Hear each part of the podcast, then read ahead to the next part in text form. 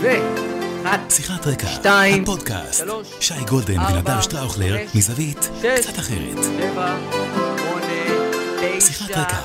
מתחילים. אהלן, אהלן, שיחת רקע, פרק מספר 66. אני נדב שטראוכלר, ואיתי פה שייקה the golden boy גולדן, ואיתנו, מסביב, מלמעלה, מלמטה, מהצדדים, אווירי, אקרובטיקה, כל הפירוטכניקה מסביב, האחד והיחיד, רני דה לג'נדרי אשל, שממקסס אותנו, מפיק אותנו, מפיץ אותנו, ואנחנו בעצם פה בין נאחל לו גם אה, מזל טוב לרגל האליפות של מכבי חיפה, שנייה. ברציפות, שנייה ברציפות, שיהיה בריא, מפרגן. עכשיו תשאירו לאחרים קצת, אם אפשר, זה בסדר? תשאירו כן, לאחרים זה, זה. גם הייתה, זה גם הייתה אליפות כזאת שלוקחים בהפסד. זה היה עונה שלוקחים אליפות כשמפסידים בבית למכבי תל אביב. זה כאילו, הכל היה כל כך הזייתי העונה הזאת, אז שזה ככה מתאים לחגוג אליפות. אבל... אחי, אומר זאת כך, אני לוקח גם אליפות כזאת במצבי.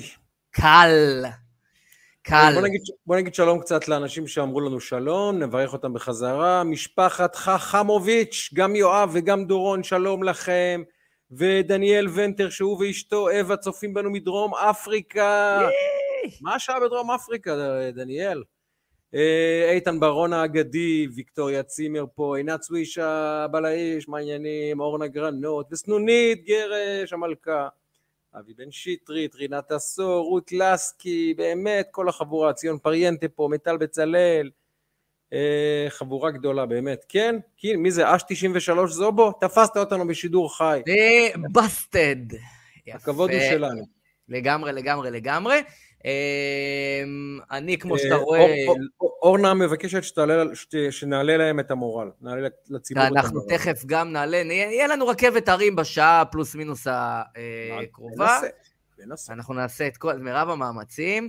אה, ואני, כמו שאתה רואה, לא מגולח למשעי ומפוזר, וזה. ספירת העומר, חביבי, זה הימים האלה ספירת העומר. ואגב, מי שלא עוקב אחרי נדב בפייסבוק, אז המלצת מעקב, ולו בשל שנדב מספק את השירות המאוד מאוד אלמנטרי של ספירת ימי העומר, יום יום, וכל יום הוא קושר יום בספירה לשחקן של ביתר לפי מספר, ראיתי גם ביתר נשים קיבלה אתמול או שלשום אה. יפה מאוד, סחטיין יפה לך. אז אה, תעקבו אחרי נדב, יש שם ספירת העומר ועוד דברים. למי שמצטרף אלינו פעם ראשונה איכשהו ולא מכיר, נדב שטראוכלר, חברי הטוב, אחי אפשר לומר, אחד מיועצי התקשורת והאסטרטגיה באמת הבכירים בישראל, אה, שותף במשרד תקשורת מאוד מאוד אה, משמעותי. ליווה וייעץ לפוליטיקאים, ארגונים, גופים ממשלתיים, כאלה שמותר לדבר עליהם, כאלה שאסור לדבר עליהם. היה מעורב באין ספור משברים אה, מאוד גדולים, כאלה שמותר לדבר עליהם, כאלה שאסור לדבר עליהם, כולל אפילו עכשיו אחד שגם אסור לדבר עליו. אבל הנה, נדב שלנו באמת אחד מיועצי התקשורת והאסטרטגיה הבולטים בישראל, ואנחנו מכירים תקופה, ואנחנו עושים את הפודקאסט הזה אחת לשבוע, זה כבר פרק 66, אמת? לא רע, נדב, לא רע. לא ואנחנו רק פותחים, רע, אפילו אה, טוב. אנחנו פותחים כל פרק, כן אורנה, את צריכה להתחבר עם נדב, בהחלט הגיע הזמן, ומי שלא, אה, מי שלא צופה אדום אומרת רינת עשור וצודקת. אה, אה, תתחברו, בטח, תתחברו. אגב, הספירה שזרקת, אתה לא מאמין איזה, כמה ואיזה תגובות אני מקבל. זה כאילו, בש... אני עושה את זה, באמת, ברוך השם, אני עושה את זה בשנה, כבר השנה החמישית. בשנה השלישית, שלפני שהעליתי, כי אמרתי, אתה יודע, לא כולם בתוך העניין, אני מטרחן חלק מהאנשים שלא כל כך בעניין הזה וזה, אבל כאילו, בשנה השלישית העליתי איזה משאל, מה אתם אומרים, אה, כאילו, לעשות, אה, לא לעשות? כמות ההודעות שקיבלתי, כאילו, אין ספק יותר אם אני אעשה או לא עושה. לא, אבל זה שאתה כל יום מוצא את ה... באמת, תקשיב, זה לכתוב פוסט מושקע, כן. ותמונה כמובן, וכל כן, האירוע, כן. זה, זה לוקח זמן, ואני יודע שאתה כן. לא פחות ממני עסוק, אולי אפילו קצת יותר בימים מסוימים, ולמצוא את הזמן להקפיד על זה כל ספירת עומר כבר שנה שלישית או רביעית, נכון? חמישית. חמישית. חמישית, מדהים. מדהים. אני משתדל, אני מגיע לזה, ב... אם אנחנו כבר עושים שיחת רקע, הרי שיחת רקע זה בדיוק לדבר על מה שקורה מאחורי הקלעים. למי שלא יודע, זה מונח, אנחנו אמרנו את זה כמה פעמים, כי בכל זאת ככה נקרא הפודקאסט, אנשים שואלים, אז שיחת רקע זה בעצם השיחה עם העיתונאי לבין הגורם שלא בדיוק נכנסת לעיתון או לטלוויזיה, כן, מה שקורה... שהיא לא לציטוט, אבל שם קורה האקשן באמת. בדיוק. אז, אז אם להכניס לדבר הזה, אז אני בחצות, בין 12-1 בלילה בדרך כלל, יושב, מנסה לחשוב איזה יום או יומיים קדימה, כאילו, ולנסות, גם תשמע, שנה חמישית, אתה אומר, אתה, קשה להמציא את עצמך מחדש, שאין, אה, לא היו 100 מספרי 37 בביתר, אתה יודע, כאילו, אז אני מנסה מצד אחד לחדש, מצד שני גם לאחד ככה דברים ישנים, ו... וכיף, כיף שאנשים כאילו בעניין של זה, זה בהתחלה היה כזה, אתה יודע, מה אתה מטרחן, ונהיה גג, אז אתה יודע, יאללה, כיף. נגיד שלום גם לליטל יפת, שהיא באמת אחת מהקבועות הטובות והאהובות. אחלה ו... ליטל, כיף שאת פה. באמת, ואלקנה זגלמן, ומי ביקשה מאיתנו, אני לא זוכר מי זה הייתה פה, ראיתי אותה, היא אמרה, תדברו על לפיד, זה חשוב. אה, רגע, עוד רגע, עוד רגע, עוד רגע, מיד נגיע. גם לפיד יגיע תורו. אנחנו פותחים כל פרק, מכיוון ששנינו עכברי ספורט די רציניים, ומי שלא הבין את זה עדיין כבר לא יבין, אבל אנחנו בעניין, מה שנקרא. בטח מי שעוקב אחריי יודע שאני חי ספורט, ומי שמכיר את נדב קצת, או מכיר אותנו יודע. אנחנו פותחים כל פרק במה שאנחנו מכנים פרק החולצות, כל אחד לובש חולצה שהוא אה, מקדיש לפרק הזה, והוא מספר את הסיפור הקטן מאחורי האדם, ספורטאי, הספורטאית, שלובש את החולצה, ומשם אנחנו יוצאים לדרך, אז תהיו איתנו את החמש דקות האלה, זה חמש דקות שיש בהם את כל הקסם של גם חברותנו וגם הפוד, גם בחמש דקות האלה אה, אה, מתנקז לשם. מי יתחיל, אני או אתה? אני רואה אותך בצהוב שחור. אני תכף, אני בקטנה אתן נגיונת, אתה תתחיל, אני אשמח לראות מה מבצבץ שם מאחורי הסלטיק שאני רואה, אני רואה משהו כתום, אבל מתחת לסלטיק... לא, לא, זה לא כתום, זה המצלמה שלי. תראה, הבאתי סלטיק, אנחנו הפסדנו היום הפסד. אתה מכיר את ההפסדים הכואבים שאתה יודע שאתה תיקח אותם שנים? שאתה תיקח אותם שנים? קראתי מה כתבת, התרגשתי. זה הפסד שאני אקח שנים. וואו, עד כדי כך. כי אני יודע, אני יודע, אני יכול להיות שאני טועה, ואדוני למעלה בשמיים יסייע לנו, למרות שאדוני, יש דברים יותר חשובים, אני, אני מרשה לך לא להתעסק בכדורסל, כן?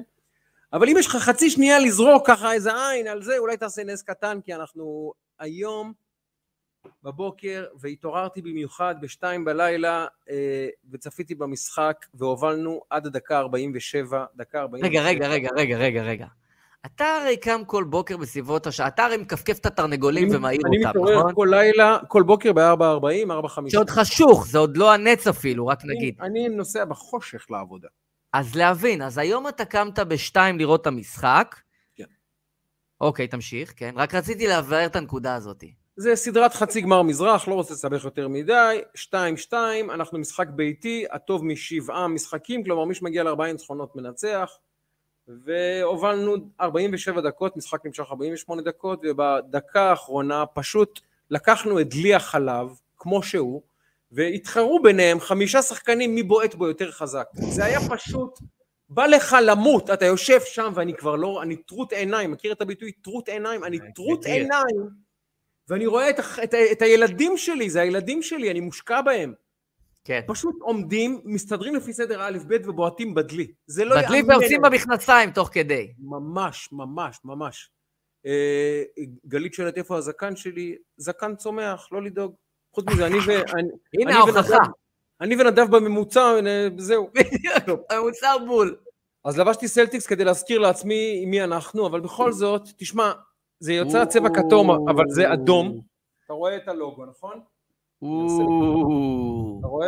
רגע, רגע, רגע, יש פה אמירה, כי היה לנו, אם אני זוכר נכון, הייתה לנו שיחה בנושא... יש לנו בעיה עם יונייטד. לגבי פול פוקבה, אם אני זוכר. פול פוקבה בין הכלבים, שבגללו כן. אני השעיתי את אהדתי ליונייטד, שזו קבוצה שאני אוהד מילדות ממש, מגיל... זה בן אדם לתת לו מכות ברחוב, מה שנקרא. זה בן אדם חס ושלום אנחנו לא רוצים לאחל לאף אחד שום דבר רע, ואני אני מאחל לו שהקריירה שלו תיראה כמו המשחק של הסלטיקס הלילה. בסדר? ככה אני מראה, שיראה המשך הקריירה שלו. זה, זה בסדר? מותר לאחל את זה? מותר, רגע, רגע, אז תראה לי את החולצה, אז רגע, מה, אני סקרן. אז אני אמרתי, הדבר היחיד שמנטרל את פול פוגבה, הכלב, באמת האנטישמי הזה, הוא האדם הבא, אין מה לעשות, נדב. תן לי את זה, תן לי. הגיע הזמן שהוא יופיע פה. או, ראוי מאוד מאוד. זה הכל. אה, השחקן שרק... האחרונה- בעונה כן. האחרונה שלו, סליחה, זה יונייטד, הוא חזר ליונייטד. רק נגיד למי שמאזין ולא צופה, שאתה הסתובבת וראינו פה את מספר 7 האגדי, קריסטיאנו. האחד, האחד, יש רק אחד, רק אחד, מספר שבע יש רק אחד, קריסטיאנו רונלדו. ללא ספק אחד מחמישה השחקנים הגדולים בכל הזמנים, בסדר? לא נתווכח. אבל מי ש... אה, הוא בחמישה הכי גדולים בכל הזמנים. ואפילו אחרי בעונה... אולי, אחרי אולי, אה, כאילו, אתה יודע, אתה לוקח את פלא אם אתה שם בתמונה, נגיד אתה שם את קרויף, ונגיד אתה שם... כן, פלא מרדונה, מסי. ומרדונה ומגבו, ואורי מגבו אחריו. הוא- לא, תקשיב, אתה שב, אתה שב ומטעה את הקהל, כי אתה לא מסביר להם שכדורגל זה לבני תמותה, ויש לאנשים שהם, שבאמת, שהם הם, הם מעל בני הטבע. זה אורי מגבי. אורי מגבו. אה, אז כשרונלדו הגיע ליונייטד השנה, אמרתי, אני מוכן בגלל רונלדו, בגלל שאני מכבד את האיש, ואני למדתי לאהוב אותו. אני למדתי לאהוב אותו, אני לא אהבתי אותו מההתחלה. כן. תמיד נראה לי קצת שחצן וזה, אבל עם השנים למדתי להעריץ אותו, לא להעריץ את הספורטאי שהוא, את, ה, את, ה, חד משמעית, חד את משמעית. הקלאסה שהוא, את ה, איזה מקצוען, איזה איש. גם השנה עבר טרגדיה קשה עבר מאוד. טרגדיה, ואגב, מי שלא... ת- תספר, וגם אולי אם ראית את הקטע שאוהדי ליברפול עשו לו, כן, זה היה כן, ממש כן. מרגש. אז אה, רונלדו ואשתו ציפו לילד, אה, יותר נכון שניים, הייתה לידה, זוג תאומים היה צריך להיוולד, ואחד לא שרד את הלידה, ורק השני לצערי נולד, ו... ובאמת, זו הייתה מכה קשה מאוד עבורו, ועבור המשפחה כמובן, וכל עולם הכדורגל, זה חלק מהדברים שאתה אומר, מי שלא אוהב כדורגל, לא מסוגל להבין את הרגע הזה, שבו אפילו... אחווה, האחווה. אוהדי ליברפול, השנאה ביניהם זה באמת, זה בנט ונתניהו, ליברפול ויונייטד, באמת. ועדיין, אוהדי ליברפול ואוהדי ארסנל, קבוצות ששונאות מסורתית את יונייטד, עמדו, מחאו כפיים, אה, הניפו שלטים, כיבדו את האיש, ואמרו ספורט עם כל הכבוד, שנאה לספורט, כל, לקבוצה כזאת עם כל הכבוד, אבל ברגע כזה, כולנו משפחה אחת, משפחת הכדורגל, ואנחנו שולחים לך חיבוק חם רונלדו, וזה מרגש. מרגש. ממש, מהלך ממש יפה היה, ממש. תקשיב, הוא בן 37 או 8, לדעתי 8, הוא לא בשיאו, אבל גם בעונה שהוא באמת כנראה העונה הכי חלשה שלו ב-20 שנה האחרונות, הוא עדיין מלך השערים של יונייטד, מקום שני בכובשי השערים בפרמייר שיפ, גם בעונה שהיא באמת... אה, הפרמייר ליג. בפרמייר ליג, סליחה. אה, בעונה שהיא באמת לא מהטובות שלו, הוא... אני מכיר 100 שחקנים היום, היום, אה, בעולם, שהיו חותמים על עונה כזאת פעם אחת בקריירה. 100 שחקנים מגה, הוא מוכרים. מגה סטאר, אין ספק. תקשיב, זה דבר לא ייאמן פשוט. מחווה מאוד יפה, שייקה, זה... אז, אה, האמת זה היא לרונלדו. שרונלדו, רונלדו מרגש בהרבה מאוד רמות, אני חושב שהסיפור הזה עם, ה, אה, עם הלידה שלו והסיפור הזה של ליברפול, אה, אני גם מאוד קשה לי עם יונייטד, עם הקטע הזה של פוגבה והקטע הזה של שנאת ישראל והדגלי פלסטין, בטח בימים האלה, אבל בכלל. לא, אני, אני לא, אני, אני בהשעיה. אני כן, כן, בהשעיה. כן, כן, אתה כמו, אתה כמו כמו. בקואליציה, אתה כמו אני- בקואליציה, השעית את החברות. בדיוק. אני משעה את החברות שלי עד להחלטת מועצת השטראוכלר, המועצה תחליט מתי אני יכול לחזור ל... כן, כן, כן. לזה. טוב, אה, אני אספר לך רגע אצלי אה, באנקדוטה נחמדה. קודם כל, אתה יודע... אני רואה צהוב שחור, זה לא ישראלי, אני יודע שאתה אוהד את בורוסיה דורטמונד באופן שהוא לא סביר, אבל זה לא נראה לי בורוסיה דורטמונד. אז אני אגיד לך אה, מה. קודם כל, אני פריק של חולצות אה, צהוב שחור בעולם, מי שעוקב פה יודע, יש לי בהחלט. לא מעט. אה, ואני מחפש כל הזמן, יש איזה שתיים, שלוש חולצות ששמתי עליהן עכשיו עין, scouting, ואני מנסה לשים עליהן את היד, לא אנקוב כרגע. אבל זאת חולצה מאוד, מאוד מיוחדת, וינטג'ית, תסתכל אפילו תביא. כן, זה ממש חולצה של פעם, זה גם, זה גם אה, כן, כן, הסוג הוא כזה ה- של פעם. הצווארון, שכבר אין כאלה. נכון. זה ממש, ממש חולצת וינטג', והבל הזה, לא יודע אם אתה רואה פה, אתה רואה? כן. בל הזה, מאוד מאוד מאוד. מגניב. זאת קבוצה, אגב, השחקן הוא לא מוכר, קוראים לו, שים לב, דה מולדר. דה מולדר. עכשיו, לפי הדה מולדר, אתה יכול להבין שמדובר בשחקן בלגי, Mm. ואני אוהב את ה... עוקב אחרי הכדורגל הבלגי הרבה מאוד שנים, וזאת קבוצה, של, קבוצה שנקראת ברכם, שהייתה, היום היא בליגה הרביעית בבלגיה. בעבר היא הייתה קבוצה נחשבת, בשנות ה-50, 60, קצת ה-70, אפילו הגיעו לאיזה כמה כמעט תארים. ובכלל, הכדורגל הבלגי, אה, הוא, הוא כדורגל מעניין, וגם יש לו גם חיבורים ישראלים שהם מאוד מאוד נחמדים בעיניי.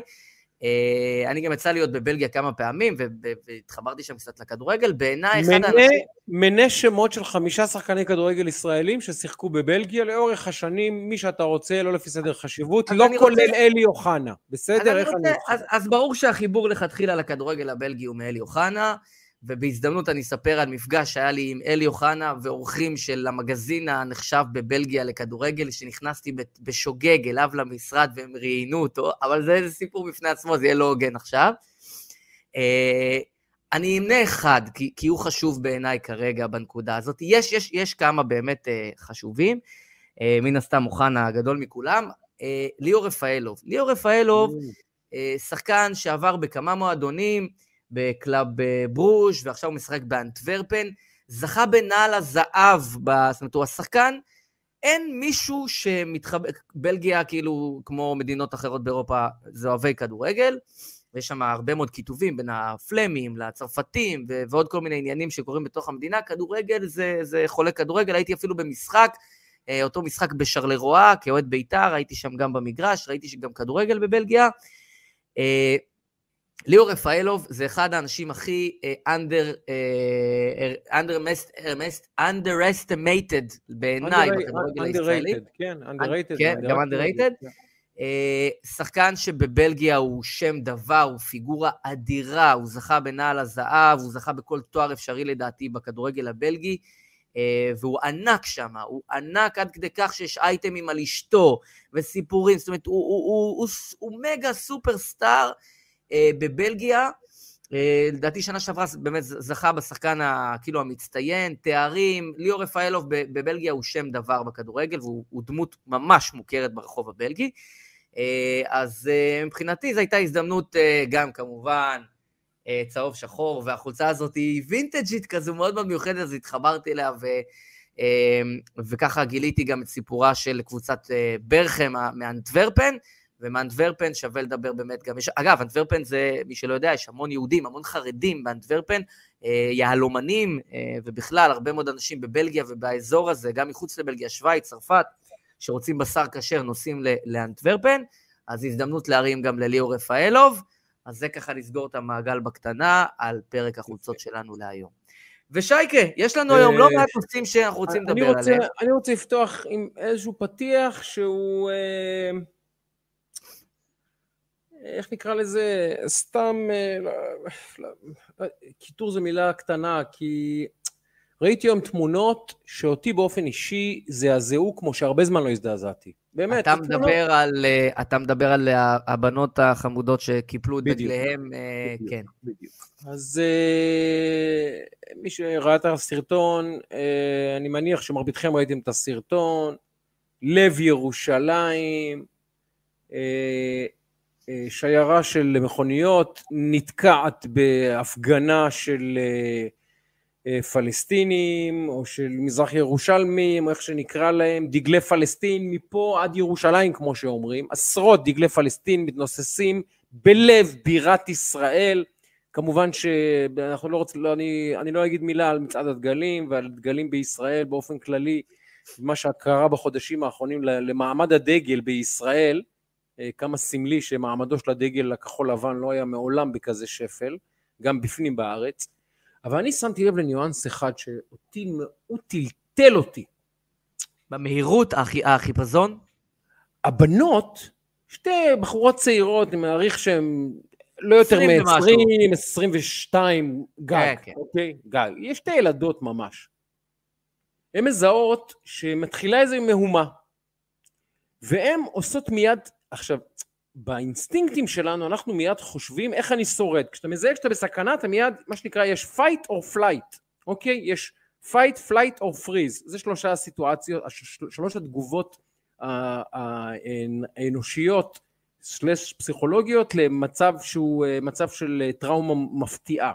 אחד, אתה נלחם, שניים, אתה בורח, שלוש, אתה פשוט כופה, אוקיי? הם, באינסטינקט הראשון, כשהם זיהו שהם כנראה בסכנה, אמרו, אוקיי, אוקיי, יש פה עשרים מכוניות, איך אני אשמו, אגדיל את הסיכויים שלי לצאת בחיים מהאירוע הזה? ואז הם אמרו, רגע, יש לנו דגלי ישראל, דגלים האלה, אתה יודע, של יום העצמאות, ה... אתה יודע, הדגלים האלה על האוטו, עם המקלות האלה. הדגלים של החמישה שקלים בצומת. בכל דלת היה דגל. ומה שהדהים אותי, זה שהתודעה שלהם אמרה להם, מה שמסמן אותי והופך אותי ליעד ומסכן את חיי הוא דגל ישראל. והם הבינו, מתוך מקום מצוקתי, לא היה בכלל פוליטיקה בזה, לא היה בזה שום אמירה חוץ מרגע, איך אני שורד, איך אני מגדיל את הסיכויים שלי לשרוד, אני מוריד את דגל, דגל ישראל. והן יוצאות מהאוטו, מורידות את דגל ישראל, חוזרות פנימה ואומרות, עכשיו לא רואים אותנו, עכשיו אנחנו לא יעד. עכשיו, אנחנו הגענו למצב, נדב, זו תמונה שזעזעה אותי כל כך, כי שתי נשים ישראליות בלב בירת ישראל, שלושה ימים אחרי יום העצמאות, אומרות לעצמן, דגל ישראל הופך אותי למטרה. ואם אנחנו נמצאים במדינת ישראל, בסיטואציה שבה אנשים בלב עיר הבירה אומרים לעצמם, כשאני עם דגל ישראל אני מטרה, אז אנחנו שומעים, אנחנו כולנו מכירים את הסיפורים על האחים שלנו באירופה, נגיד בצרפת, שאם אתה הולך עם כיפה על הראש או עם שרשרת מגן דוד אתה בסכנה.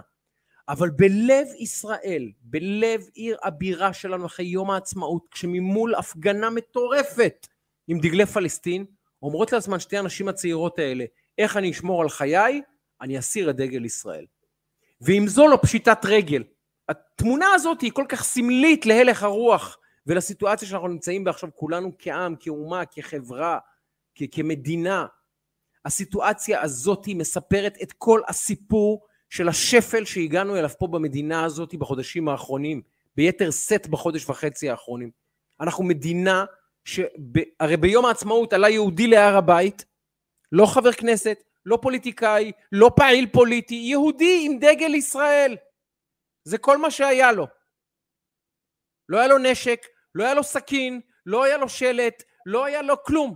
עלה עם דגל ישראל להר הבית ביום העצמאות, במקום הכי קדוש ליהודים על כדור הארץ, והמשטרה לוקחת לו את הדגל ומעכבת אותו לחקירה. וכמה שעות אחרי זה, הדבר הזה קורה שם בבית חנינה. האירוע הזה שם בצומת, מי שמכיר אותה, צומת מאוד מפורסם. ב- כן, כן. בירושלים. כן. צומת ש... זה לא מזרח ירושלים, זה לא, לב... אתה לא בתוך רמאללה. זה לב הבירה, זה לב. הבירה.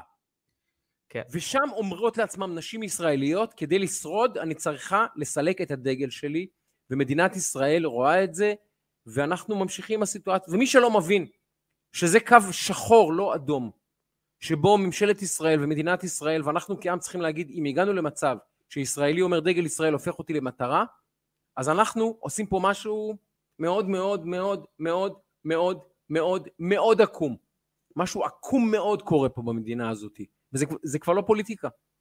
אם כמדינה אנחנו אומרים אזרח שהולך, שווה בנפשך שבארצות הברית, בוושינגטון, אדם עומד בפקק, נתקל בדגלים של מי אויבת של הברית, לא יודע, אין להם אויבים כל כך מרים כמו שיש לנו עכשיו, ואומר לעצמו, הדרך לשרוד בלב הברית בוושינגטון, היא להוריד את הדגל שלי מהמכונית. אני, מישהו מעלה על הדעת סיטואציה כזאת, שארצות הברית הייתה נותנת לסיטואציה כזאת להתרחש בלב עיר הבירה שלה, שדגל ארצות הברית הוא סכנת חיים?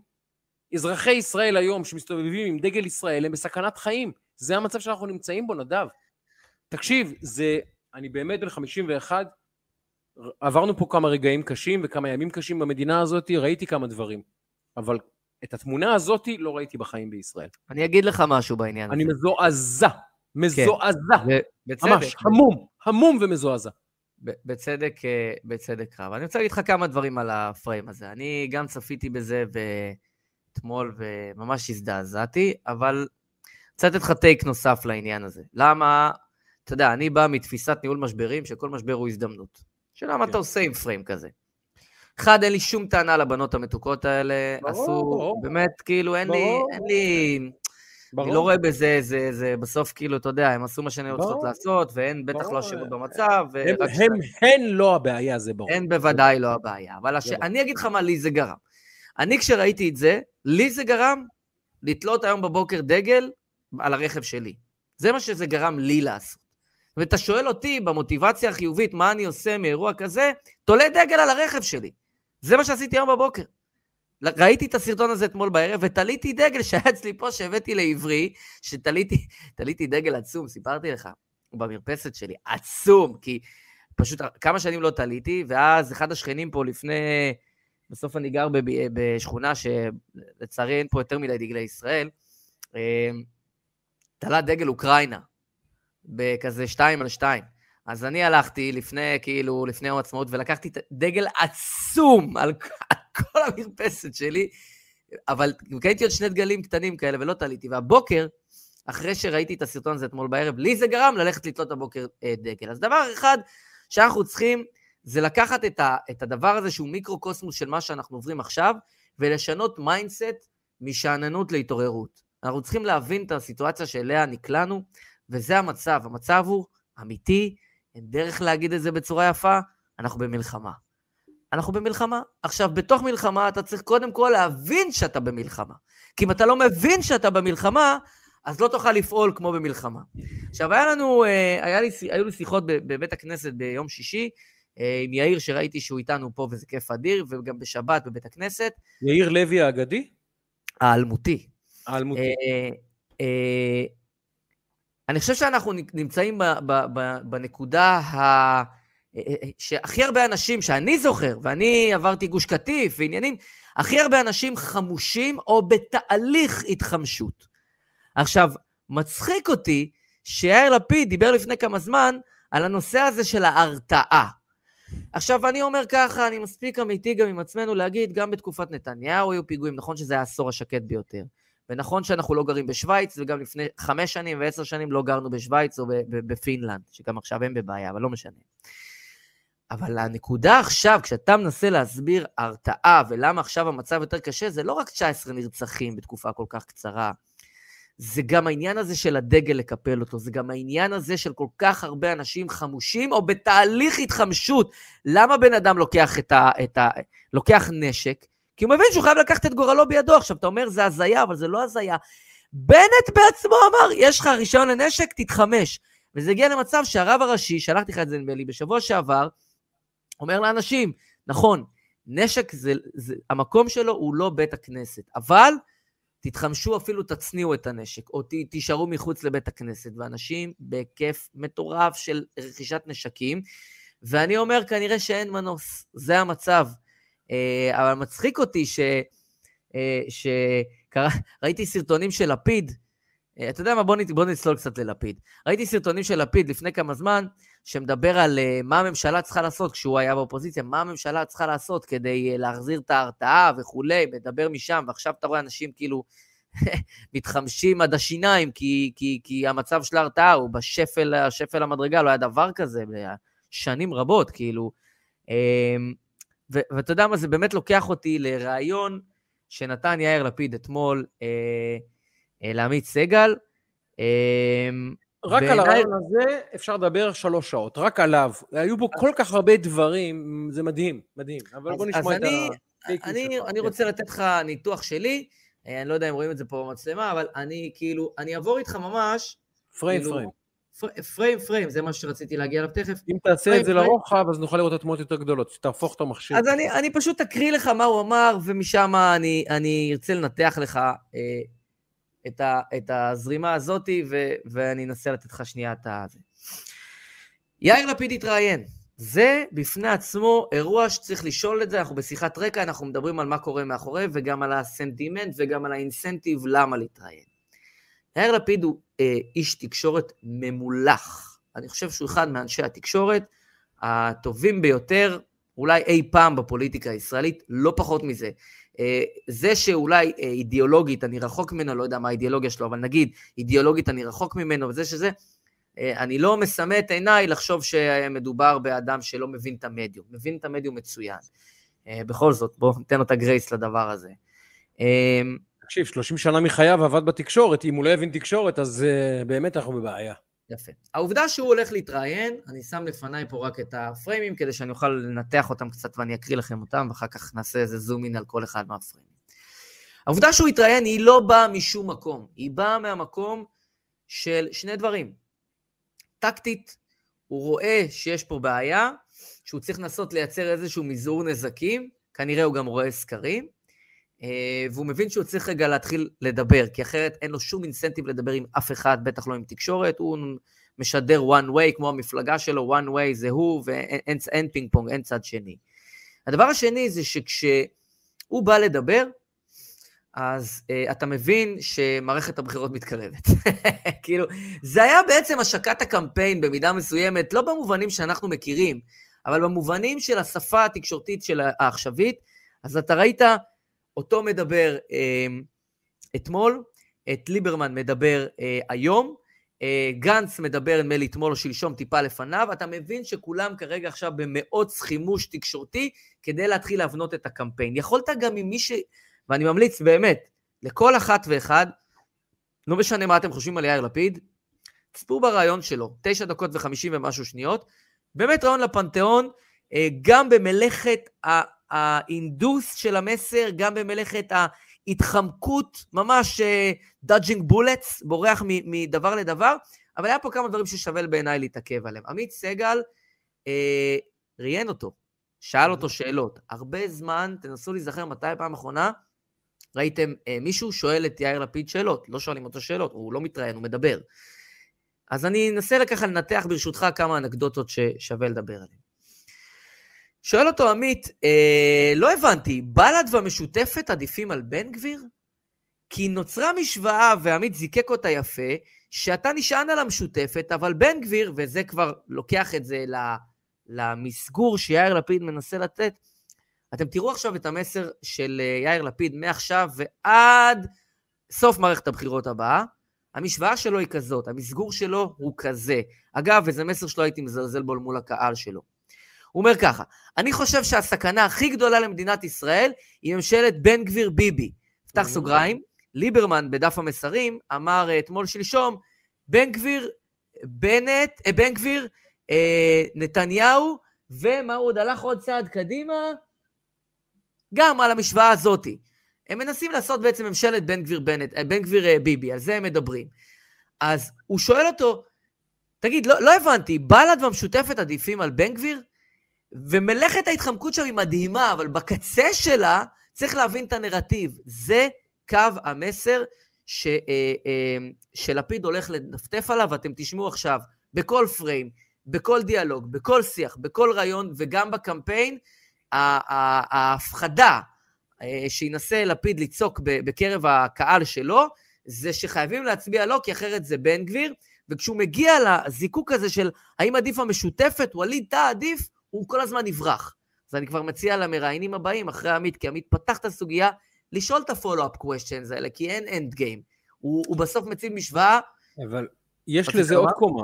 אני, אני עושה פסיק ואתה תמשיך מיד. יש לזה עוד קומה. הקומה היא לא רק שהוא מנסה לייצר אה, הרתעה תודעתית, או לשתול פחד, פחד תודעתי, ביבי ובן גביר, בן גביר וביבי ובן גביר סכנת, סכנת אלוהים, זה הכהנא החדש. אה, אגב, זה מסר דומה לזה של הליכוד, של הליכוד, בשעתו טיבי או ביבי, ביבי או טיבי. בסדר גמור, לגיטימי. הוא אומר, או ימין קיצוני, או אני, השפוי, הבריא, היפה, האשכנזי, החתיך מצפון תל אביב, הכל בסדר. אבל הוא עושה עוד דבר פה. הוא ממלכד את נתניהו. כי נתניהו יצטרך את בן גביר כדי להרכיב קואליציה, מתי שיהיה בחירות, לא משנה מתי זה יהיה. נתניהו יצטרך את בן גביר, והוא עכשיו בעצם מנסה גם לסנדל את נתניהו ולייצר מצב שבו אם נתניהו ירצה לקחת את בן גביר ולייצר איתו קואליציה, זה ייתפס, ייתפס כצעד קיצוני ולא מוסרי ובעייתי. אז ולכן, הוא גם מסנדל את נתניהו אתה, פוליטית. אתה צודק, ולכן אני אומר שזה כבר השקת הקמפיין, כי אנחנו כבר מסתכל לשם. לא עכשיו, ספק, לא ספק. עוד נקודה. הוא אומר ככה, אנחנו מנסים לייצר מצב, אני מקריא, שבו השיח הישראלי לא מנוהל על ידי שנאה. Mm-hmm. עכשיו בואו ניקח רגע זום אאוט אחורה, אני לא מדבר על הקמפיין האנטישמי של מרץ, אני לא מדבר על המריצות של ליברמן, אני מדבר על, על, על, על לפיד עצמו, כן? לא לך רחוק. לפיד עשה קמפיין, באמת, זה, זה כמעט מרושע, אבל זה גם חכם ומתוחכם, אני גם לא מזלזל בזה, של אנחנו אנשים נורמליים, למדינה נורמלית, לממשלה נורמלית, לזה נורמלית. ובעצם מה שהוא אומר פה על דרך החיוב לדרך השלילה, כל מי שהוא לא אני, לא נורמלי. כל מי שהוא לא, לא אני, הוא, הוא, הוא פסיכי. הוא הדבר לא הכי גרוע לא שיכול לקרות במדינה שפוי, הזאת. הוא לא- לא שפוי. לא הוא לא שפוי. עכשיו, אחרי שהוא מביא את הקמפיין הזה, שזה ליבת קמפיין, אני לא מדבר על מסר משני, ליבת קמפיין, נורמלי, כמה פעמים שמענו את הדבר הזה, הוא אומר, אנחנו מנסים לייצר מצב שבו השיח הישראלי לא מנוהל בידי שנאה. איזה עזות מצח. ואז הוא אומר, אומר לו, עמית, רגע, אבל, אבל, אה, למה לא הלכת לבקר אף אחד מהמשפחות השכולות? הרי הממשלה הזאת, אף אחד לא הולך, חוץ מנדמה לי אביר קארה שהלך לאחד הזה, אני שם אותו שנייה בצד.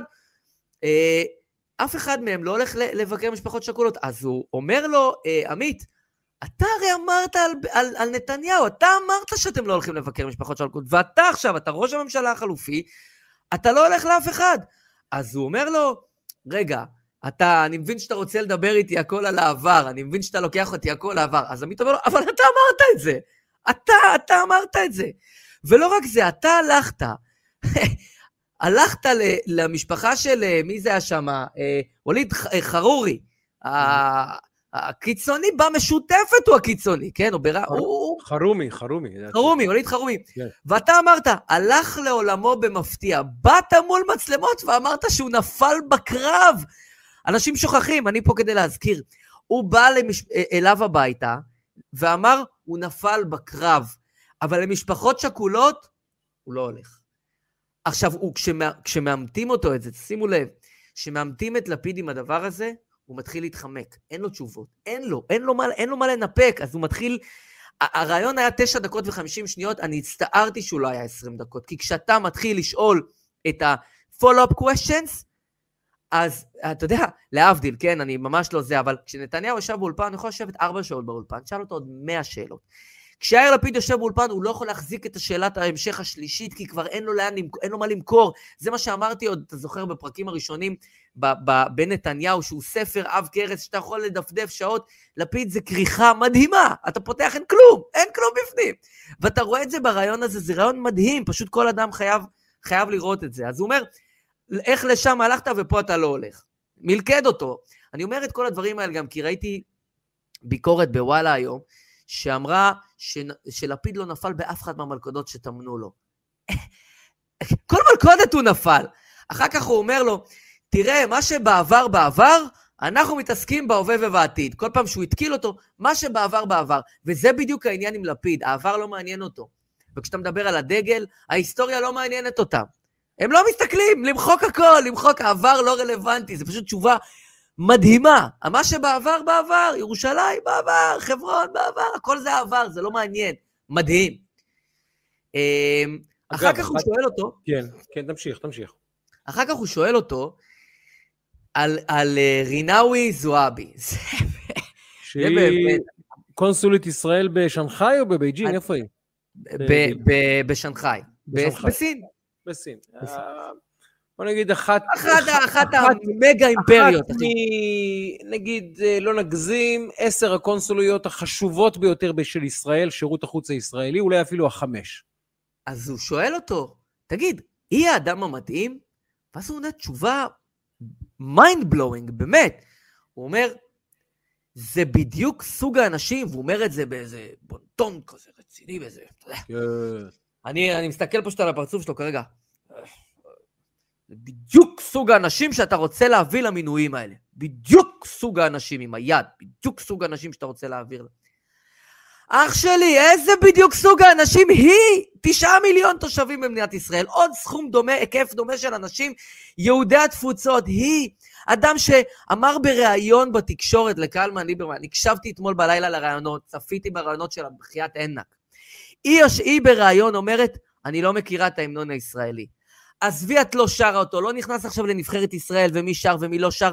אני לא מכירה אותו, איזה בורות, איזה עזות מצח. אותה לשלוח לשם? אישה שכשהיא סיימה במרץ אמרו עליה, היא הייתה האישה הכי רעה במפלגה. החברים שלה במרץ אומרים את זה, כן?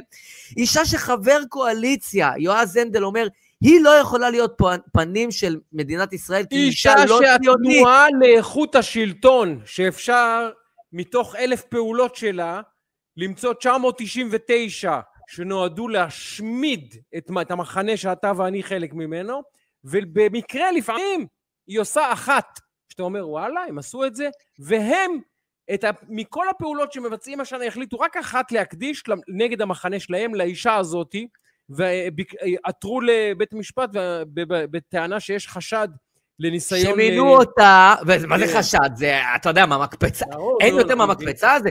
הרי אני כבר, דיברנו על זה פה, כשהיא עשתה את המהלך, אמרתי שיש פה משהו. לא ידעתי שזה בדיוק העניין, אחר כך התארחתי, אתה זוכר, בפודקאסט של חברים שנביא אותם בהזדמנות, כן. שאמרתי שזה לא יכול להיות, זה לא במקרה, בקואליציה של 61 אתה לא עושה מהלך כזה, כאילו, זה לא, במקרה הזה זה לא פולישוק, והנה, הוא מינה אותה לקונסולית, כי היא ח"כית סוררת.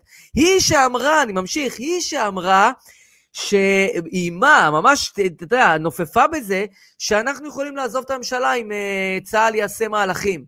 אז איך היא עכשיו קונסולית בסין, תצדיק פעולות שאנחנו עושים עכשיו, איך היא תגן על העמדה הישראלית? איך? היא לא יכולה, היא לא מסוגלת. אותה אתה ממנה, אותה אתה ממנה לתפקיד הזה, ועוד אחר כך, בריאיון, מול המצלמה, בפנים אומר, ככה אבל, זה בדיוק סוג האנשים שאתה רוצה להביא למינויים האלה.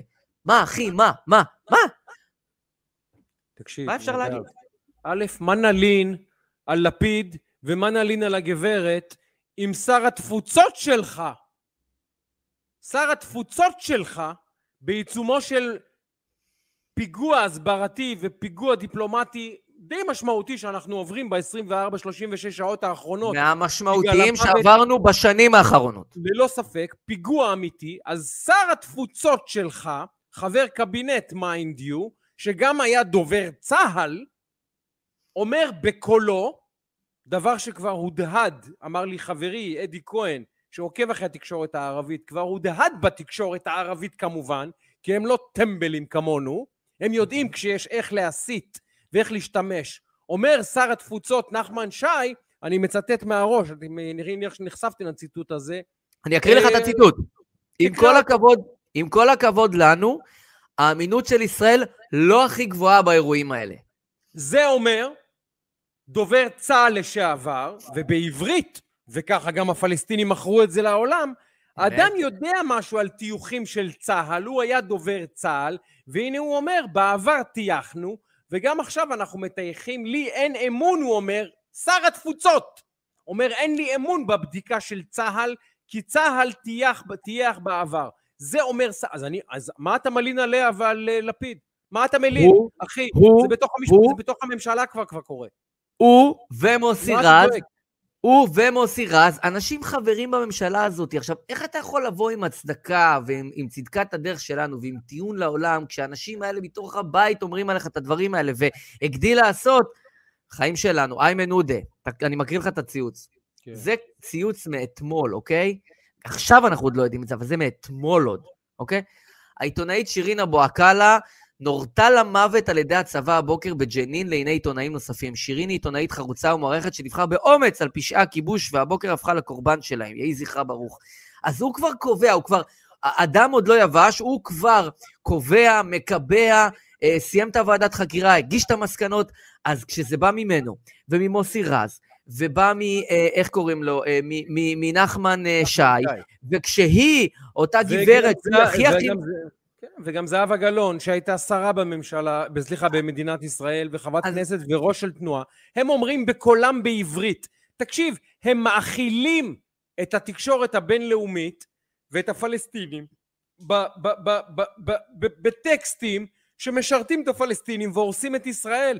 הפלסטינים לא צריכים לעשות כלום, פשוט קופי פייסט לציטוטים של נחמן שי, של מוסי, של זהבה גלאון, ולהגיד תראו מה אומרים הישראלים, כולל חבר קבינט כולל מי שהיה דובר צה"ל, כולל מי שהייתה שרה בממשלה. תראו מה הם אומרים על צה"ל ועל ישראל. אז מה אתם רוצים מאיתנו? הם בעצמם אומרים את האמת. אז זהו, אפשר לסגור את אירוע ההסברה הזה, הסתיים. כי לפלסטינים יש את נשק יום הדין. ישראלים, יהודים, חברי ממשלה, שאומרים בקולם, אני לא מאמין לבדיקות של צה"ל, יש כיבוש, זה פשע נגד הכיבוש, אה, הרצ... זה, זה לא, זה לא אה, כדור טועה, זה רצח, אל תאמינו לצה"ל, צה"ל מטייח באופן סדרתי. ישראלים אומרים את זה. אז, אז, אז, אז, אז, אז מה, אז אתה יודע, אנה אנו באים? אפשר לבנות אז... עכשיו משרד שלם של הסברה עם 30 אלף צוערים שילמדו אנגלית, ערבית, סינית ורוסית על בוריין. אבל אם שר בממשלה שיושב בקבינט והיה דובר צה"ל אומר אני מכיר את צה"ל, צה"ל מטייח בדיקות, אז זהו, נגמר האירוע. תם הטקס, נדב, תם הטקס. תם ואז הטקס. אתה שולח, ואז אתה שולח את הבן אדם המתאים ביותר, אתה מבין? לדברר אותך ב- ב- באחת המעצמות הכי חשובות בעולם, ב- אה, ב- בסין, אתה מבין? אז ככה אתה נראה, אז ככה אי אפשר לנצח, ו- וככה, וככה אתה נראה, וזה, כמו שאתה אמרת, תביא את המסבירים הכי טובים בעולם, זה, זה לא יעזור. לא, אה, זה, כאילו. זה לא משנה, כי יש לך בתוך... תקשיב, אה, יש בתוך הקבוצה שלנו, וזה מה שמטריד אותי, נדב, מדברים תמיד על הרוח הישראלית, על החידות הישראלית, ושאנחנו, לפחות הייתה מיתולוגיה, יודעים להתלכד בזמן משבר, בזמן מלחמה, בזמן זה. אבל הנה זמן מש- משבר, הנה זמן מלחמה, הנה אירוע, אגב, שקורה במשמרת שלהם. האירוע הזה של המוות של העיתונאית קורה במשמרת שלהם, לא שלי. אני באופוזיציה, אני יושב מהצד ומסתכל. זה קורה במשמרת שלהם. אז מה האינטרס שלך, מר נחמן שי?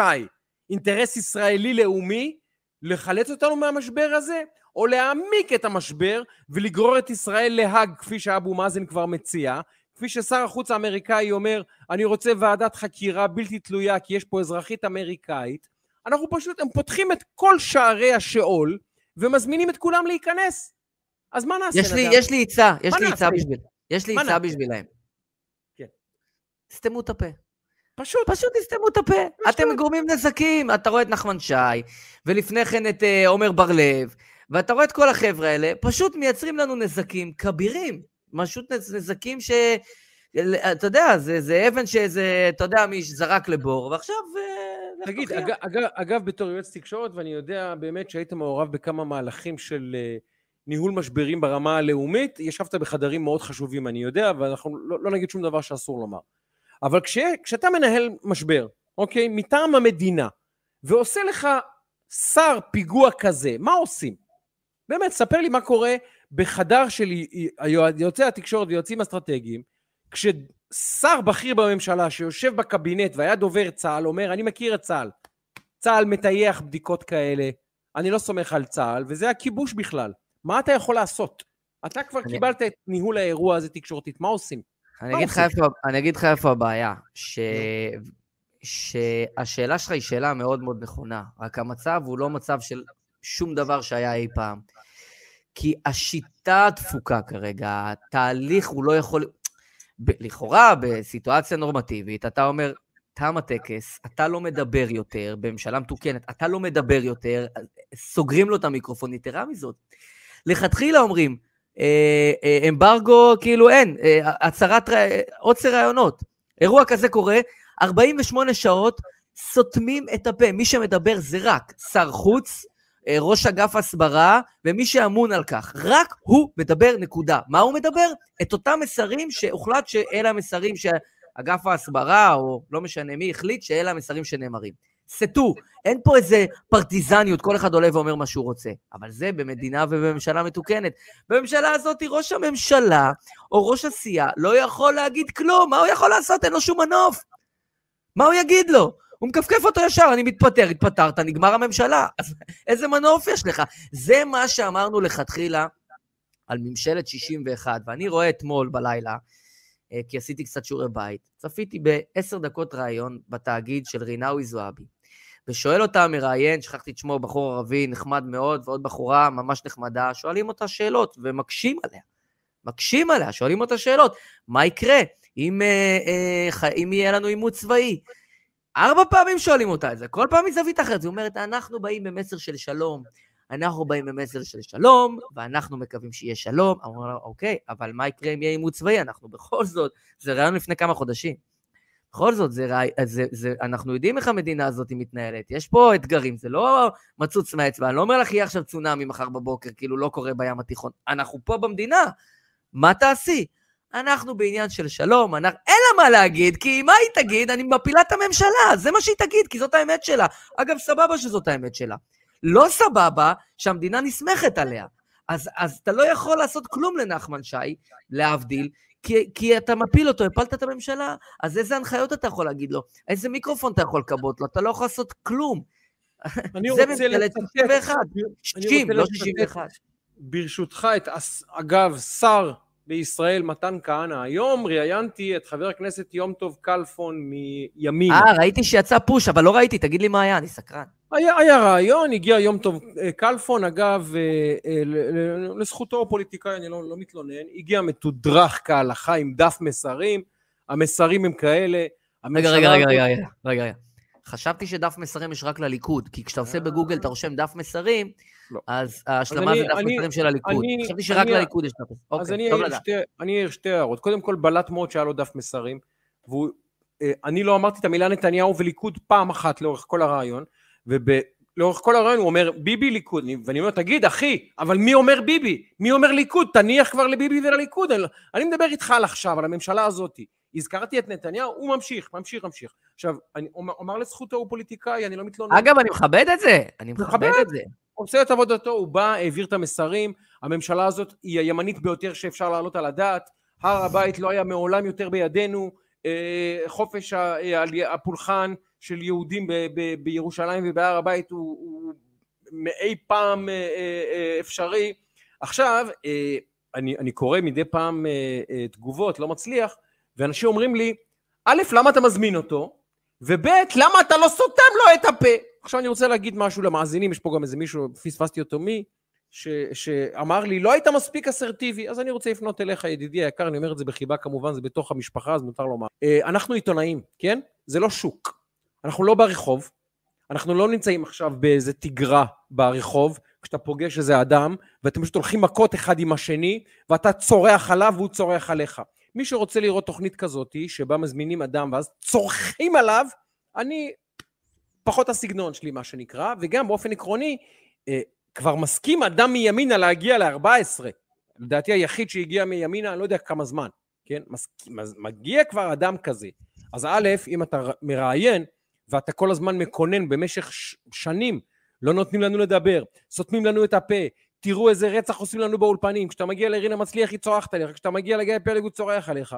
אז כשאני מארח את האדם מימינה, אומרים לי, א', למה אתה מזמין אותו? אני מזמין אותו כי זה מה שאנחנו עוסקים בתקשורת, אנחנו מנסים להביא לציבור תמונה כמה שיותר רחבה, כמה שיותר מקיפה. ואם הבאת בן אדם, תן לו לדבר.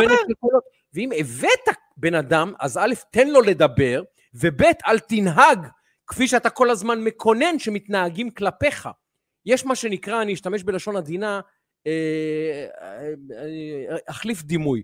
יש את ההתגוללות הזאת, כול, כולכם מכירים אותה, אני גם נכחתי בה והשתתפתי בה, גם נדב לוקח בה חלק, שבה יושב איש ימין באולפן, וחמישה אנשים עליו. עליו.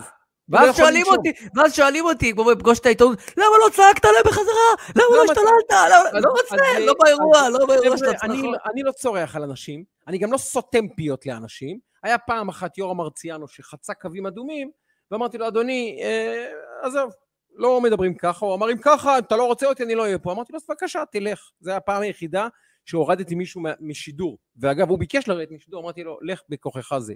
עכשיו, יש איזו ציפייה ואני אני, אני פונה עכשיו אלינו פה בתוך המחנה, איזו ציפייה שלנו, שערוץ 14 נעביר רק מסר אחד, נשדר רק אה, מציאות אחת, נדבר רק קול אחד, ו- ו- ולכן עולה השאלה, חבר'ה, אז למה אתם צופים בטלוויזיה?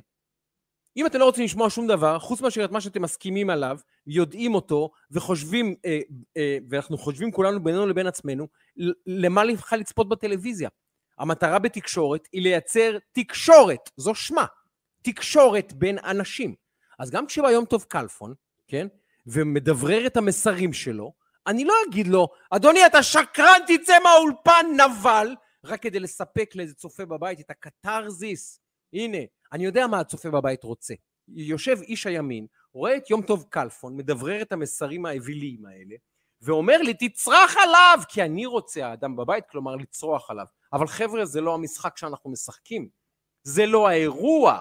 יש פה שלושה רבדים. א', הזמנת בן אדם, תן לו לדבר, גם אם אתה לא אוהב את מה שהוא אומר, אחרת למה אתה מזמין בכלל בן אדם?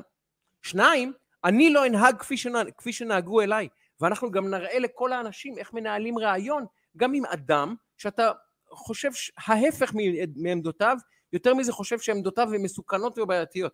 אנחנו נראה לחברים בשמאל שאנחנו לא עושים כמוהם. כי אם אני נוהג כמו, כמו שנוהגים החברים ב-12 ו-13, אז מה עשיתי? מה עשינו? במה הועלנו למישהו פה בכלל? ושלוש, מה הועילו חכמים בתקנתם? אז רגע, ושל... אז... ושלוש, כן. ושלוש, עניין סגנוני. הצרחות בטלוויזיה, כן?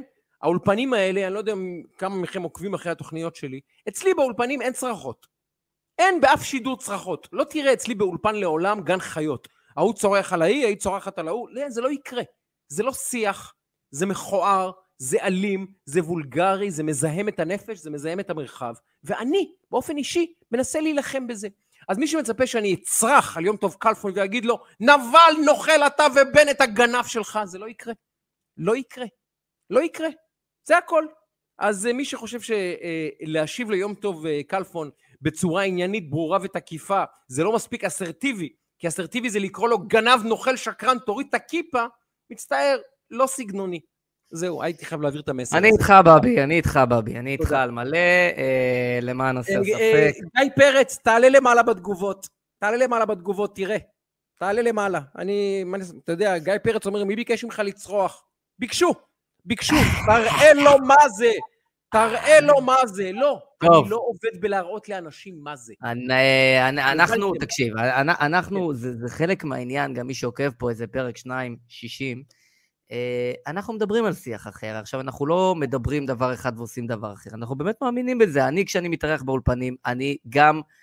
מעולם לא הרמתי את הכל, והייתי באולפנים כאילו הכי מאתגרים, נגיד, מהמקום שאני מגיע ממנו, ממש, אני לא זוכר אפילו פעם אחת שהרמתי את הכל. כי זה, אני לא רואה שזה מביא לאנשהו, אפשר להעביר את המסרים בדרך אחרת, וגם בסדר, גם אפשר להגיד, יש כאלה שאוהבים סגנון כזה או אחר, זה גם בסדר. אני רוצה להספיק איתך עוד עניין או שניים. לא, אני רוצה להספיק איתך... אני חייב, כן. אבל, אה, מה שנקרא, לפינה קומית קצרה, או לא קומית, פינה משפטית, אנחנו בפינה משפטית, ואז אני אתן לך את הנושא, את הנושא הבא שלך. אוקיי, ברשותך, אני פשוט, זה, זה יושב עליי. אני, אני, היה תקופה שהשתעשעתי ברעיון ללמוד שפת הסימנים, כדי לתקשר עם אה, אה, אנשים שהם מתקשים בשמיעה וב, אה, ובדיבור, מה שנקרא לקויי שמיעה. השתעשעתי ברעיון, אפילו לקחתי איזה שיעור או שניים, אבל אמרתי, זה לא נורא שימושי. אבל לימים הבנתי, זה קרה לי בימים האחרונים, שהייתי צריך להקפיד יותר, כי בבית המשפט היום עוסקים בשפת הסימנים. אני אראה לך אה. אני אראה לך כמה תנועות יד, ואתה צריך... תן לי, בוא נעשה מבחן, בוא נעשה מבחן. רגע, אבל צריך רגע להגיד רגע אחד, כן. שיש הרבה מאוד אנשים שמאזינים ויאזינו לנו, אז אנחנו נצטרך גם לעשות סימולטנית. אז אתה תיתן לי, אז גם מי שרואה וגם מי שמאזין, שיוכל ליהנות באותה מידה. אוקיי. אני עכשיו אלמד אותך מה אומרת כל תנועת יד. אוקיי? שים לב. תנועת היד הזאת, רואים אותי ככה? שים לב. כן. זה אומר oh. שוחד תן לו, זה אומר סליחה, זה אומר תן לאלוביץ' את כל מה שהוא רוצה, כולל הטבות רגולטוריות, כולל... תראה לי שוב, אני רוצה לראות את זה בסלואו-מו, תסביר לי שאני אבין. שים לב, זה התנועה. אהה, זה אתה לוקח בעצם את, את כל האצבעות מלמטה למעלה ו... המפרק, המפרק, המפרק נשאר איתן, אבל העבודה עם האצבעות. שמע, זה... חשבת לי עוד פעם דוגמן אה, ידיים? חשבת פעם? אני התייעצתי עם חבריי עורכי הדין וניסיתי, ל... והסבירו לי שבספר, בחוק העונשין, בחוק דיני העונשין, אה, יש, יש, יש ממש עכשיו אה, נספח חדש של תנועות יד, וזו, חברים, כשאתם עושים כך למישהו, תדעו, למעשה הבטחתם לו הטבות רגולטוריות ואתם חשודים בשוחד, אוקיי? מעניין מאוד. התנועה הבאה היא, כן? תן לי, תן לי. רגע, אז כבר למדנו דבר אחד, תן לי עוד. כן. התנועה הבאה היא כזאתי, אוקיי? זה איום ברצח. או, רגע, רגע, תן שוב, אתה עכשיו אה, לוקח את היד על הפדחת, על השיער למי שנשאר לו. אתה אומר, אני אשבור לך את הראש. כשאתה עושה ככה, אתה בעצם אומר, אני אשבור לך את הראש, אני ארצח אותך. אוקיי? יפה, באיזה שפה זה אני אשבור לך את הראש, אני ארצח אותך ככה עם הידיים? זה שפה משפטית, זה שפה משפטית. אבל שפה משפטית... אם אתה צריך עזרה, אני אפנה אותך לגליקמן, יש לו את כל הקובץ. אוקיי, אוקיי, אוקיי, אוקיי, אוקיי. לא, בסדר, אני גם לא, לא רוצה ללמוד כל התורה על רגל אחת, אני בכל זאת, אני לא לומד עד כדי כך מהר, אבל תמשיך, אני כבר... אז למדתי איך משחדים ואיך עושים שוחד, מרמה והפרת אמונים ככה, ואתה אומר, אני אשבור לך את הראש, אני ארצח אותך ככה. המפרק הנה היד ככה, מפרק איתן, תנועה עם האצבעות. מפרק איתן אצבעות, ככה, אוקיי? עכשיו, אני לא צוחק חבר'ה, זו התנועה, בדקתי, בדקתי, אוקיי, הלכתי, אוקיי. למדתי, כי אני עיתונאי רציני, אוקיי? אמנם לא הצלחתי לצרוח על יום טוב כלפון כפי, שהת, כפי שהתבקשתי, אבל עשיתי שיעורי בית, והסבירו לי, אמרתי, מה התנועה שנתניהו עשה? שמישהו יסביר לי. והראו לי. הנה, הנה, לדעתי ערן בר-און פה, יש פה את איתן ברון האגדי, אבל יש פה את ערן ברון, שהוא אה, עורך דין וגם פרשן משפטי מעולה, ולדעתי, ככה, היד, המפרק גבוה ועם האצבעות. זה מה שהוא עשה ל, ל, לפילבר. זה קצת מזכיר לי תנועת לך, לך. זה פשוט, זה חצי לך, זה חצי, תן לו הכל. תן לו הכל, תן לו הטבות רגולטוריות. תן לו הכל, תן לו הכל. אוקיי, אוקיי. אם התנועה הזאת נעשתה בפגישה שלא התקיימה כלל, אתה תורשע בוודאות בשוחד. אני מעדכן אותך. זה המדד, אוקיי? זה המדד. אם ביצעת את התנועה הזאת בפגישה שלא התקיימה כלל, אתה תורשע בשוחד בוודאות. עכשיו, אם זה לא נשמע לך הגיוני... רגע, רגע, רגע, רגע, רגע, רגע, רגע, עצור הכל, עצור. אם הפגישה כן התקיימה... אם הפגישה כן התקיימה ועשית את התנועה, אז את המשך... תשמע, הרי מה החוצפה של נתניהו? אתה יודע מה החוצפה של נתניהו? אה, תן לי את זה, תן לי את זה. הוא, הוא אדם חצוף, מושחת, רקוב, ובאופן כללי הוא מסוכן למדינה, משום שהעובדה שהוא לא עכשיו, באמת, נוסע לבית הכלא עצמו, מסגיר את עצמו לסוהרים, אוקיי? ואומר להם, אני מודה, מודה בהכל, כדי לחסוך למדינה את הכסף, לחסוך לתקשורת את כאב הראש, לחסוך לנו לציבור את עינוי הדין הזה.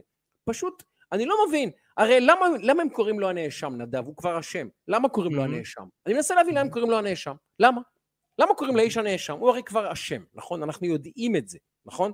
עכשיו, באותו יום, צחוק צחוק, מגיע גליקמן, לפני הדיון, הולך לפילבר, עד מדינה, אה, כנראה אחד משלושה העדים הכי מרכזיים בתיק הזה בכלל, עד מפתח, לפני רגע, מפתח בעדות שלו, ואומר לו, תקשיב, אם לא תגיד אמת, אתה תועמד לדין. אתה תועמד לדין, אתה תועמד לדין, אתה תהפוך להיות מעד מדינה לנאשם.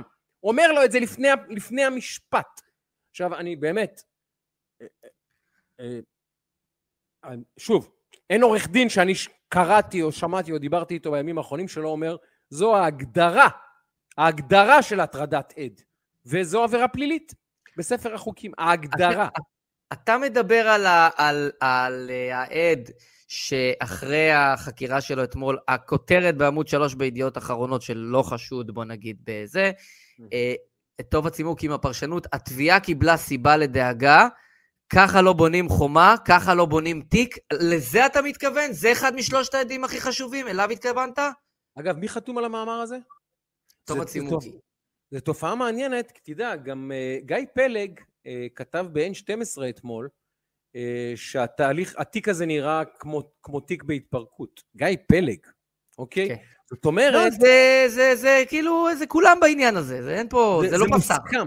זאת אומרת, הם הגיעו לרמה שאפילו הפגישה המופרכת שבה נעשתה תנועת היד הזאת, אני שב ועושה. אוקיי, למי שלא... זה השוחד.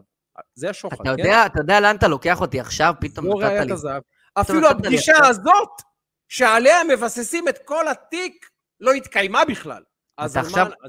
אתה עכשיו נותן לי פה uh, uh, blessed from the best, ואתה מזכיר לי שיחה שהייתה לי עם נתניהו, כן. בביתו בבלפור, ב-2019, פתאום עכשיו הכנסת לי את זה לראש, שבה אני שואל את נתניהו, 2019 זה עוד לפני, כאילו, לפני, כן, המשטרה. והעניינים וזה. לפני הקרקס הזה. ואני מקבל מלא שאילתות מעיתונאים ודברים, ואני זה, ונתניהו, ואמרתי את זה בעבר, מסתכל לי בעיניים ו... ואומר לי, כלום, הכל יעוף, הכל יתפזר. ככה, הכל יעוף. עכשיו, מה שאני חושב עכשיו זה שהוא עשה לי את התנועה הזאתי, הכל יעוף. אני מפחד שאולי הוא ניסה לשחד אותי. אחי, הוא, ניס... הוא הבטיח לך הטבות רגולטוריות. אני מפחד שהוא ניסה לשחד אותי.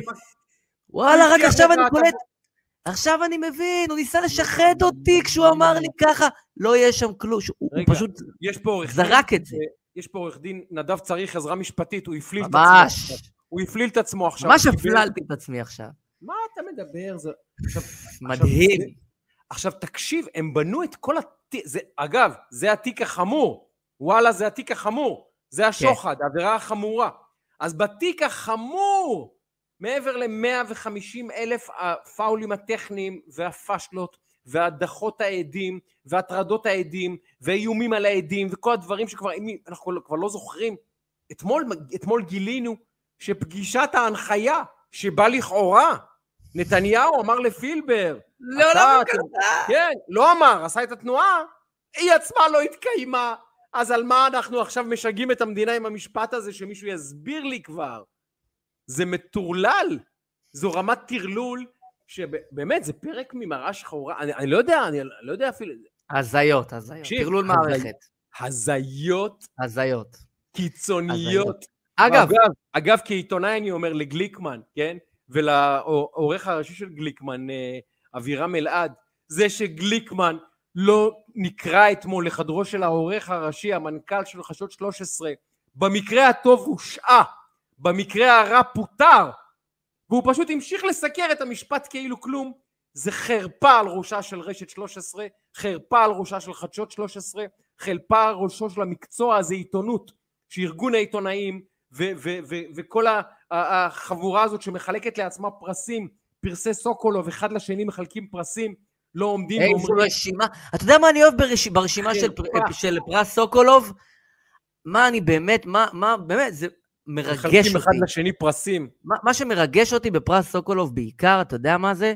כן, הוורסטיליות של מקבלי ללא הפרס. ספק, ללא ספק. הוורסטיליות, אתה ממש רואה תזות שונות, אתה רואה אנשים שונים בתכלית אחד מהשני. קולות שונים ותפיסות עולם שונות. ו- אתה רואה כן. איך הכל שונה, אין כלום שדומה לשני, אין שטאנץ, שום הכל שונות מוחלטת בין הזוכים.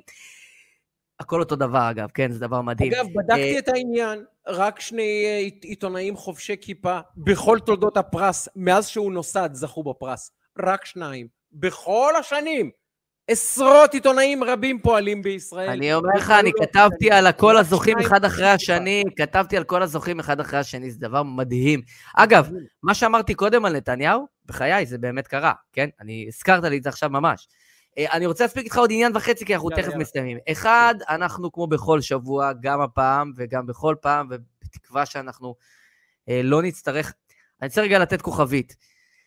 אה, אני ממש ממליץ לכל אחד, והאמת שאני גם מכה על חטא כי הייתי צריך לכתוב לטל אברהם. טל אברהם, הכתב הצבאי, פרשן צבאי של מעריב, אה, נתן אה, ראיון מדהים עם מי שהיה רמ"ח שון, מחלקת שבויים ונעדרים בצה"ל עד לאחרונה. הוא אומר שם דברים, קראתי את זה בשבת, זה, היה, זה פורסם בשישי שעבר במעריב, תחפשו את זה. אה, רעיון מטלטל, אני קראתי אותו באמת פעמיים, הוא טלטל אותי, הוא ביאס אותי מאוד, הוא בעצם, אני אקצר לכם, אבל באמת אני ממליץ לקרוא. אה, הוא בעצם אמר ששום דבר לא מתקדם פה, ששום דבר לא זז פה, ש... שכל מה שקורה ושהכריכה בין אברה אה, ו- והישאם, האזרח הבדואי, אה, לבין החיילים, אה, ו- והמקרה המצער ש- כן. שקרה איתם, זו כן. טעות אסטרטגית, הוא דיבר שם, אני, אני לא רוצה לחפור על זה יותר מדי, אבל אה, כדאי לקרוא. אז אני אומר את זה בסוגריים, כי אנחנו בכל שבוע, מי שעוקב יודע, אנחנו מזכירים פה וסופרים את הימים אה, שאברה מנגיסטו נמצא בשבי החמאס, ואנחנו היום 2,804 לילות וימים שאברה מנגיסטו אה, נמצא בשבי החמאס. אז אנחנו מזכירים את זה, אני ממליץ לקרוא את הכתבה הזו במעריב, אני גם אכתוב אחרי השידור ל- אה, לטל אברהם, קראתי את זה בשבת ושכחתי ועכשיו אני נזכר, אז אה, באמת רעיון מטלטל עם רמ"ח שון, אם- שכחתי את שמו, אה, ראש מחלקת שבויים ונדרים בצה"ל הקודם. אה, אז זה גם כן חשוב להזכיר. שייקה, אה, לפני שאנחנו ככה לקראת התכנסות, כותבים לנו פה לגבי אה, הרעיון של אה, גל הירש עם איילה חסון, בכלל, איילה חסון דיברנו גם בפעם קודמת, אה, אה, שבאמת אני, החמאנו לה פה בעבר ב- בפעם הקודמת, אה, אז, אז הרעיון של גל הירש גם מטלטל. מה כן. מה שמדהים בסיפור של איילה חסון, ואנשים מפספסים אותו, זה שהביקורת נגדה, הביקורת הקלאסית היא ביביסטית ביביסטית, סבבה, ביביסטית ביביסטית, ועכשיו עוברים, עושים השמדה של אחת העיתונאיות הבאמת יותר uh, מוערכות, טובות ו- ועטורות הישגים שהיו בישראל, אישה שיש לה 30 שנה של הישגים, תחקירים, פרסומים, היא עשתה דרך הרגליים את הקריירה שלה, מתפקידים של כתבת זוטרה עד למעמד. שהגיעה דרך הרגליים. עכשיו היא ביביסטית, אבל מה שמדהים זה שאיש לא סותר את הטענות שלה, איש לא אומר לא, הטענה הזאת לא נכונה, העובדה שהצגת, כולם מסכימים, העובדות שהיא הציגה, הביאה בתחקירים מדויקים לחלוטין, אבל עדיין את ביביסטית. הבאת את האמת, את העובדה... גם, גם בנט עצמו בפוסט המטורף הזה שהוא כתב אחרי שהיא פרסמה על ההוצאות שלו, לא הכחיש את העובדות. פוסט שאני אמרתי גם אה, בפרק קודם, זה בית ספר ליצירת משברים תקשורתיים עצמיים, אה, שיעור א', שנה ראשונה, שיעור שני. זה מדהים, איש אפילו לא סותר את טענותיה, או מביא טענות נגד לעובדות שהיא מציגה, רק אומרים, את מציגה את האמת כי את ביביסטית. זו הטענה. זאת אומרת, הם אומרים בגלוי, מי שמציג את האמת שפוגעת בבנט הוא ביביסטי. הוא ביביסט, רק גם אם הוא אומר אמת. זה לא ייאמן. תקשיב, אני אומר לך כעיתונאי, באמת 25 שנה, השפל שהמקצוע הזה הגיע אליו בשנים האחרונות, השפל, השפל הלא ייאמן, הרי אבירם אלעד שאני אוהב אותו, והוא הוא, הוא חבר שלי, הרבה שנים עבד איתי בכמה מערכות, הוא עת תביעה במשפט נתניהו. אז חברים, הוא המנכ"ל של חדשות 13. והוא מצליח לפקח על אביעד גליקמן שהולך ומטריד עד מרכזי לפני שהוא עולה לתת עדות. וזה קורה לנו מול העיניים. חבר'ה, אני לא, לא יכול להסביר לכם במושגים של עיתונות. זה, זה פשע. זה פשע. האנשים האלה צריכים לשלול להם את תעודת העיתונאי. הם לא יכולים לעסוק בעיתונות, האנשים האלה יותר, הם לא יכולים. אביעד גליקמן לא יכול יותר לעסוק בעיתונות, בשום דבר. מה שהוא עשה, צריך לפסול אותו באותה שנייה מלסקר כל דבר משפטי, קל וחומר את משפט נתניהו, והוא פשוט ממשיך כאילו כלום. והמנכ"ל שלו, שצריך להעמיד אותו לפחות לסדר, לא לדין, לסדר, הוא בעצמו עת תביעה במשפט נתניהו. אז, אז חברים, אז זה, זה לא שהמשחק מכור. יש לי חבר טוב, הראל סלוצקי, אתה מכיר אותו, איש הרדיו. מותק. אומר, אדם מקסים, באמת, מותק, גבר מותק. גבר, איש מקסים, מותק. מענץ' ממקום עמוק. הוא נכון, אומר, תקשיב, נשמה. זה, אה, אה, אתה עולה לשחק כדורגל, אתה בא עם 11, פתאום אתה מגלה שהם 22 בכלל, ושיש להם שלושה שוערים בשער, וגם לכל האחרים מותר לגעת ביד, ואתה צריך לשחק את המשחק הרגיל. אומרים לך, מה הבעיה? תשחק את המשחק, זה החוקים. אתה צריך לשחק כדורגל 11, הם 22 ושלושה שוערים בשער, תשחק בהצלחה. זה מה שקורה, זו המציאות שאנחנו מתמודדים איתה. הם משנים את הכללים, הם דורסים את החוקים, את כל הסטנדרט של הכי בסיסי, הכי בסיסי, הנחות היסוד הכי מוסכמות בין בני אדם ובשיח ובהתנהלות הכי בסיסית. הם פשוט משתינים עליהם, סליחה על הבוטות. ואנחנו פשוט עומדים מנגד, המומים כבר, לא יודעים, אני כבר לא יודע מה להגיד, נדב. אחרי הסיפור של גליקמן, חיפשתי נקרא לשיחת הבהרה, ננזף, הערה בתיק, כלום! פשוט המשיך כאילו כלום.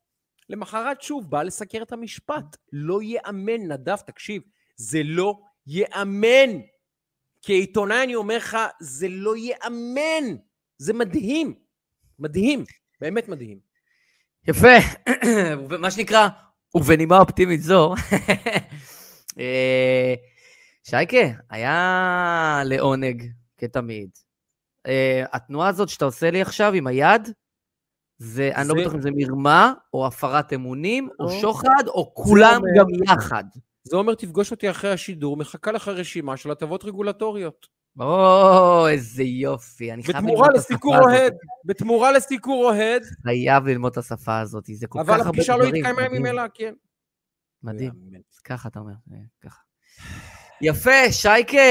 פה, גם, ראיתי פה גם את גיל שטראוכלר, ראיתי פה גם את טובה שטראוכלר האגדית, שהיא באמת... אז קודם כל, גיל שטראוכלר, בכלל סניף שטראוכלר, אה, עפולה, זה אנשים אהובים ונשמות טובות, זה באמת משפחה סוכר.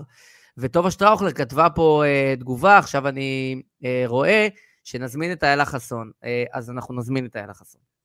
האמת, ווילדו. איילה חסון תוזמן, ואני גם חושב שהיא תתייצב. כן, כן, כן, will, will, will do. יקרה. יקרה. do. אז uh, יפה, יפה, יפה, שייקה, uh, אנחנו uh, ממש כונסים את רוט 66, uh, פרק uh, 66 שיחת רקע. היה כיף אדיר, היה לנו ככה איזה גאפ קטן, אבל אמרנו, מקבלים מלא תגובות של תעלו פרק לקראת הסופש, אנחנו יום שישי ארוך, אנחנו מבשלים איתכם, אנחנו, בא לנו בסופש וזה, אז אמרנו חמישי, קלאסי. אז, אה, אז, אז אמרנו, לא מוותרים, ואנחנו מקליטים, ב, אנחנו מקליטים כרגע יום חמישי בערב, אז מתי שתאזינו, תאזינו, ומתי שתצפו בעבר הבא.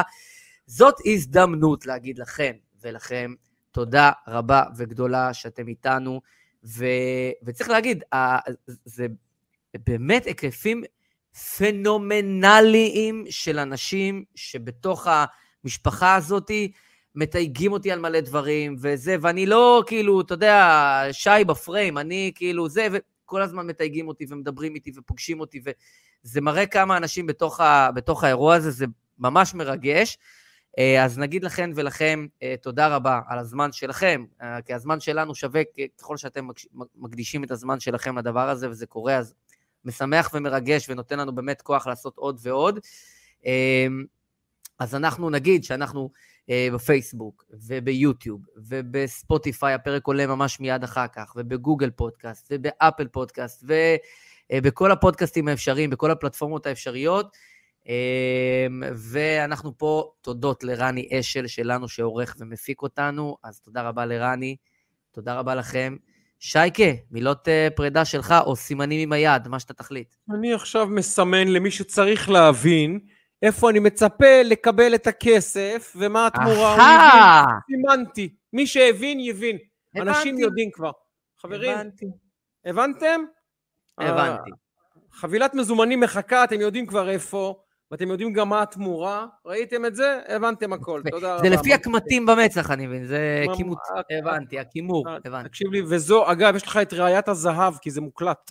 מצולם ומוקלט. זו ראיית הזהב, יש לך אותה ביד, תשתמש בה. יפה מאוד. תיק פוד תלפים. אה, יפה מאוד. אז אנחנו, אה, שיחת רקע, פרק מספר 66. תודה רבה לך, שייקה. אה, תודה, תודה רבה לכם ולכם, תודה רבה לרני אשל. אנחנו בעזרת השם נתראה בשבוע הבא, ונאחל לכולכם שבת שלום ובריאות טובה. ושימו דגל ישראל, שימו. כן, אתם רוצים לעשות פעולה? פעולה קטנה? דגל ישראל. בול בפוני. דגל ישראל מיום העצמאות, אל תכניסו לארון עוד. תשאירו. תשאירו על האוטו, במרפסת, כל אחד יש במרפסת דגל יפה תלוי. כל אחד איפה שיש לו דגל, תשמרו עליו. אל תורידו. לא מורידים את הדגל הזה עד שהממשלה לא מתחלפת, ככה אני מתכוון לעשות. אני מסכים לכולם. יפה, אהבתי, אהבתי. זה הדגל שלי. אשטג, התחלנו. אה, סלמתק, אז תודה רבה לכן ולכם. אה, שיחת רקע, פרק מספר 66. סלמת.